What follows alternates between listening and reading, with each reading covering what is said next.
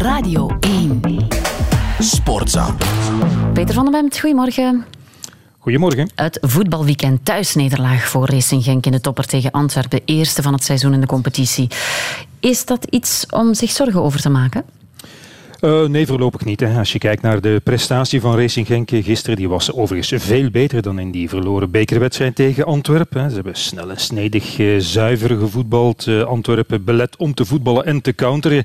genoeg kansen gecreëerd om vlot te winnen. Alleen was er een beetje pech mee gemoeid en werd één foutje afgestraft. Dat kan je al een keer overkomen in het voetbal. Zo gaat dat. En Heine vond ik spelen toch echt weer een uitstekende wedstrijd. Ik ben benieuwd mm. of de nieuwe bondscoach Tedesco hem in het vizier heeft. Die rechterflank met Munoz Jos Paintsel was heel goed bijvoorbeeld.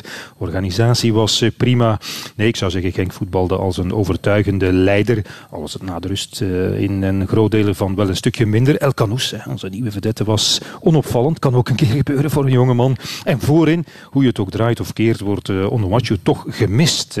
Ondanks een onnodig cynisch antwoord, vond ik, van coach Franke op een terechte opmerking van een journalist daarover op de persconferentie. Want Samatta was niet onverdienstelijk. Hè helemaal niet. Maar hij is toch nog maar een, een doorslagje van de Samatta die we gekend hebben in zijn eerste periode bij Racing Genk. En hij heeft niet, ja, zo is het nu eenmaal, de présence, het gewicht, de gestalte, letterlijk ook. En het scorend vermogen van Paul Onuachu.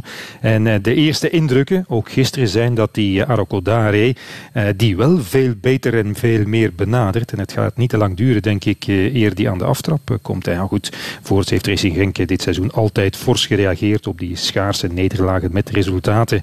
En er is niets dat erop wijst dat dat eh, ook nu niet gaat gebeuren, mm. denk ik. Antwerp deed het zakelijk, zoals het dan heet. Hè. Is dat ook naar het beeld van de trainer, Mark van Bommel? Resultaat is heilig, spektakel, dat is voor later? Ja, hij kiest uh, zeker altijd eerst voor het resultaat. Hij komt daar ook voor uit. Maar hij heeft met Antwerpen dit seizoen ook al uh, net zo goed uh, heel aanvallend en spectaculair gevoetbald. Maar goed, de situatie vereist op dit moment een voorzichtiger aanpak. Hè. In vergelijking met de drie concurrenten in de top 4 heeft Antwerpen veruit de smalste kern. Er zaten ook twee doelmannen op de bank gisteren. Hij maakte er wat minder tennis rond dan hij van Hazenbroek een week geleden. Mm. Maar goed, met ook nog eens die lange lijst aan, aan geblesseerde spelers. Uh, het contrast bijvoorbeeld met de spelers weelde gisteren bij Racing Genk was heel erg groot. En elke week moet Van Bommel toch naar oplossingen zoeken. Dus zit Antwerpen in deze overigens loodzware periode in een soort ja, combatmodus, zeg maar. Een strakke organisatie, loeren op de counter, hard werken voor elkaar. Formidabel zoals ze dat doen. En het beste voorbeeld daarvan is natuurlijk Vincent Janssen, die als spits uh, uh, zonder goals, zonder assists, zelfs zonder één enkele doelpoging toch een berensterke wedstrijd heeft hmm. gespeeld in de loopgraven, zeg maar. En het gekke is, uh, Antwerpen bij die negen overwinningen aan het begin van het seizoen uh, zaten nog wel meer van dit soort zakelijke, klinische overwinningen. En toen Antwerpen nadien frivoler, spectaculair, spectaculairder ging voetballen, veel beter, ja, dan werd er nog nauwelijks gewonnen. Dus kiest Van Bommel, en ik denk heel Antwerpen natuurlijk, toch op dit moment voor een scenario als dat van gisteren. Maar goed, dat was nu natuurlijk tegen de topploegen, de, de sterke clubs uit onze competitie. Nu komen er veel mindere tegenstanders aan en dan gaat Antwerpen toch beter moeten gaan voetballen, denk ik. Vrijdag een gelijkspel tussen Club Brugge en Union, de nummers 1 en 2 van vorig seizoen. Is de kampioen klaar voor de Champions League match van woensdag tegen Benfica? Boah, eh, Club Brugge is, is uh, zeker stilaan aan de beterhand, dat denk ik nu wel, maar klaar om een echt heel sterke tegenstander als Benfica het moeilijk te maken, dat eh, vrees ik toch van niet. Uh, en oké, dit is nu wel ineens een wedstrijd waarin het niet echt van moeten is, zoals in de nationale competitie, waarin Club Brugge minder onder druk zal staan, de underdog kan zijn. Mogelijk heeft dat een soort bevrijdend effect.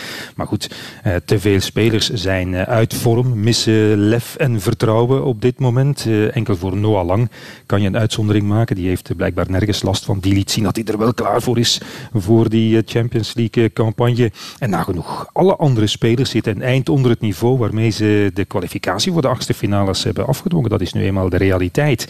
En, en uh, Club heeft tegen, ik moet zeggen, en alweer indrukwekkend zelfverzekerd Union zeker ook echt goede kansen gehad. Hè. Ze hadden ook nog kunnen winnen bij wijze van spreken, maar ze werden op, het, op eigen veld toch lange periodes gedomineerd door Union. Hmm. ze moesten zwaar gaan counteren, soms met man en macht verdedigen. Dat is toch niet bepaald opgevend voor een duel met, ik zeg het nog een keer, een sterke Benfica. En ik vrees een beetje, als ik dat zo zie, dat de fans daar ook zo over denken. Want hoe je het ook draait of keert, het is toch een historische wedstrijd overmorgen voor Club Brugge. Allereerste keer in de tweede ronde van de Champions League. En ik las vorige week, er zijn nog 3000 tickets te kopen. Dat vond ik toch echt frappant voor een, voor een club met zo'n trouwe achterban. Dus eerst een ticket kopen voor die wedstrijd en dan nog wat geld overhouden, want dan kan je dat gebruiken om te investeren in een voetbalclub. Agent staat te koop, of toch weer niet? Brugge niet doen.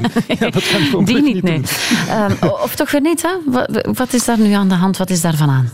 Ja, wel, het is niet de bedoeling, heb ik begrepen, dat de club mm. in zijn geheel verkocht wordt, uiteraard. Hè, aan een, eh, wellicht zal het toch zijn, buitenlandse investeerder, maar dat die een deel van de aandelen koopt en dat de club daardoor dus vers kapitaal heeft, meer middelen uh, om mee te werken.